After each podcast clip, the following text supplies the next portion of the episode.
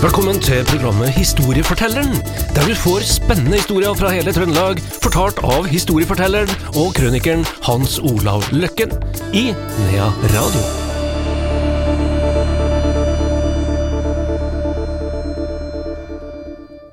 Da er vi tilbake her i Nea Radio med Historiefortelleren. Vi skal i dag til jeg må nesten si, skulle si Elgsjøen, Hans Olav Løkken. Ja. Det høres ut som eh, at det er et eller annet sted her i, i, i, nærheten. Det er det ikke. Nei, det er det ikke, men de har elg, ja. De har elg. Ja da, så det er nok eh, noe i det her med mus, da. Eller det er jo en annen type elg, da. Ja. Men vi skal til Moose Lake. Moose Lake i eh, Minnesota. Det er ganske nære Duluth, som er en veldig kjent plass blant nordmenn i statene. Og eh, før vi kommer dit, så skal vi eh, møte en spesiell person. Han heter Leonard Gaustad. Han sitter som eh, soldat under første verdenskrig i ei skyttergrav i Frankrike. Han var temmelig eh, deprimert. Ja, han var ikke bare deprimert, han var fly forbannet. Så han på en måte sier til seg sjøl at hvorfor svarte skal vi være med i den krigen her òg? Han er blitt altså utkommandert, da. Og han tenker på at den siste krigen de hadde, var jo den amerikansk-spanske krigen, da. 20 år tidligere, ikke sant, og da mista de eh, 345 soldater.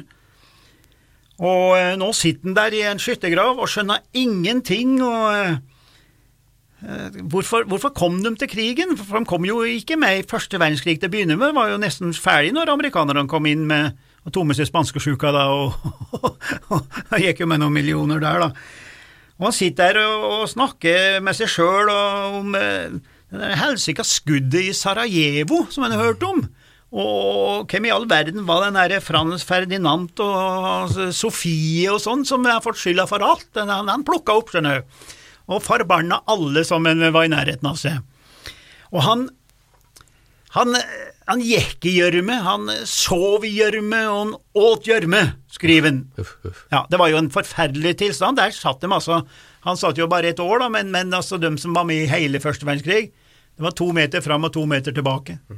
Det var jo, det var jo en helt tragedie, sånn, sånn greie. Og det var gass og røyk og mye sånn som tok knekken på veldig mye soldater. ikke sant? Det var jo liksom ikke krigen i seg sjøl, det var alt det der rundt. Så han sitter jo der, da, og så slår han seg på brystet og liksom kjenner etter. Jo da, der er brevene fra kjerringa.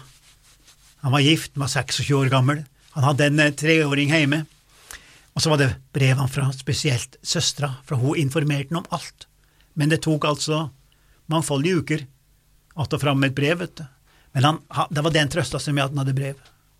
Så eh, kommer det, så holder han på å dorme, vet du, hun sitter der.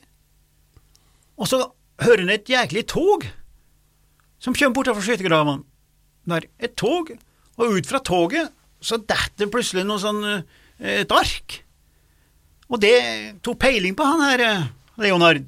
Arket kom omtrent bestilt opp i fanget på han, og han ser at det er en såkalt avis, sånn som militæret informerte sine soldater.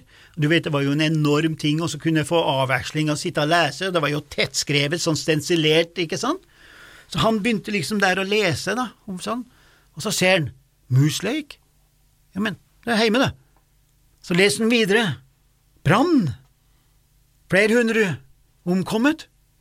Ok, oi, neimen, det er jo navnet mitt, familien. Og sånn. Og du vet, det ble jo et enormt sjokk for han.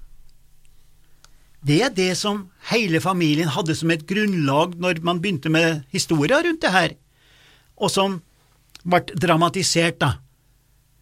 Og det mikses med en annen fyr som vi ettertid, og det er nå snakker vi om bare noen få år siden, fant ut var en annen soldat som fikk beskjed i ei grav. Det er ikke han her. Men det har gått over på det, for det ble mer dramatisk når han fikk det i grava. For han fikk beskjed, men det var etter at krigen var slutt. For han, det her som skjer, skjer skjer sist i oktober, da, den her brannen skjer altså den 12. oktober i 1918. Og vi vet jo at freden kom den 11. 11. klokka 11. Da, så han var jo ikke så lenge der i grava, men han fikk ikke dra hjem. Hvis det har vært riktig at han har fått beskjed om at familien har vært utrydda, så har han blitt imitert på dagen og fått dra hjem til Amerika. Men han, han hadde ikke Det, det, var, det, det er altså oppdikta, mye av det her. Men han kom ut av gjørma. Fikk ikke dra hjem til Amerika. Han blir plassert i Tyskland, i noe sånn MP-greier, for å være med å bygge opp igjen Tyskland og litt ø, forskjellige ting.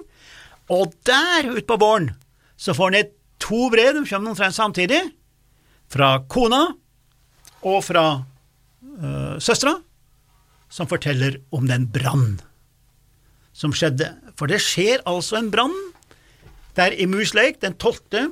oktober, og en forferdelig brann, og det var så mange branner i Minnesota, og spesielt på den tiden, og mange av brannene ble utløst av, skal vi si, dårlig etterarbeid eller dårlig skogsdrift.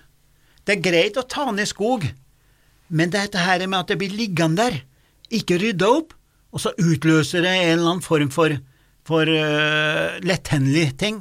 Så det er branner som starta på grunn av dårlig skogsdrift. Men akkurat, og, og, det, og, det, skjedde rundt Chicago og sånn, som vi vet har dokumentasjon på, for de måtte jo lete opp alle andre branner når de drev med dette. Men den brannen her, den er beviselig utløst da av et tog. For de to personene som jeg har funnet, og som står fram med sin historie, de så jo at det ble tent. De gikk langs jernbanesporet, og de ser at det gnister, og de ser at det var toget, og så plutselig begynner det å brenne i lyngen. Og det var steintørt, og så videre og så videre. Ja, til og med når jeg var liten, og onkelen min, som var, var, var, var høyt oppe i jernbanesystemet, de drev og forska på jernbanespor fra Fokkstua og ned til Domås, om man skulle ha hvite, hvite greier for å motvirke solslyng som også kunne utløse gnistsystemer og tenne på skogen. Det har vært branner i skogen på Domås på grunn av toget. Og den her utløste en av de verste branner der borte, da. Og når den brann skjer, så tar jo panikken dem her. Eh, og familien til han her, soldaten, da, de vet jo ikke helt hva de skal gjøre. Og de begynner å flykte. Noen prøvde å komme seg ned til vann, selvfølgelig. Noen klarte å berge livet, andre kom ikke ned til vannet, for det er noe som heter røyk. Det er røyken som tar de fleste. Det er ikke flammen, det er røyken. Du altså kveles i hæl, det er så tett røyk. Så de, den familien, kommer ut av huset sitt, skjønner at de må flykte, for nå kommer altså flammene. Jo, vi ser det jo i, i Dagsrevyen fra de her enorme brannene i California og sånn. Du har ingenting å stille opp med, altså. Du kan tro at du er trygg sånn og sånn, men det, det er enormt. Så han faren til han her eh, soldaten, da, han roper åt familien sin at de skal følge ham. Så tar faren familien med bort til brønnen. Så tar de vekk bøtta og veivsystemet, så går faren han, han, han, han uh, lar seg gli ned i brønnen, og så plasserer han kjerringa oppå skuldrene hans, og barn oppå der, altså de lager en, en tripp fra tresko oppover, for å berge seg for flammene som nå kommer veltende innover, innover tunet, da, her. Men de har jo glemt at De hadde vel ikke kanskje tanker på at det var røyken som var farlig. Så straks etterpå så så de ingenting, og de innånda noen få minutter, og så var de døde. Der. Og der var da ekteparet på noen og 50 år. Det var tre barn. Blant annet en ene barnet var 32 år, var lærerinne på Ekman skole. Og så var det ei som hadde kommet på besøk, som het Ekman. Og hun er tanta til den guiden min der borte i Moose Lake, som har hjelpa meg med historia. Han er ikke guide, men altså, han kan mye om historia, så han har spora opp og vært på besøk hos, og han forteller at, at hun var på besøk fordi at mannen hennes var brannmann, var frivillig brannkorps på den tida, så han måtte dra for å slukke, og da ville ikke hun være alene, og hun var høygravid, og ble med ned i den brønnen, og også omkom.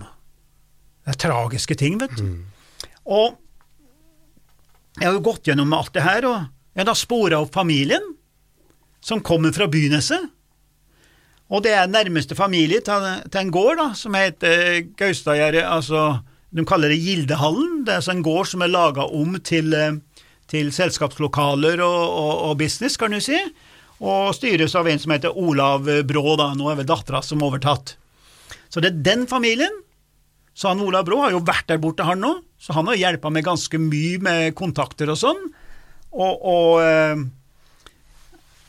når jeg fikk, eh, fikk eh, brief da, av han Ekman der, så kom Ekman og fortalte om andre skjebner og sånn, og blant annet naboene sine der borte og slekta hans. Det var veldig mange folk som gikk inn i jordkjellerne, for at på den tida, under første verdenskrig, det var jo ikke så mye kjøleskap og, og alt sånt. De, de, bygde jordkjellere inn i bakken, ikke sant, og så forma til og alt mulig sånn. Det var der de har kjøleskapet sitt.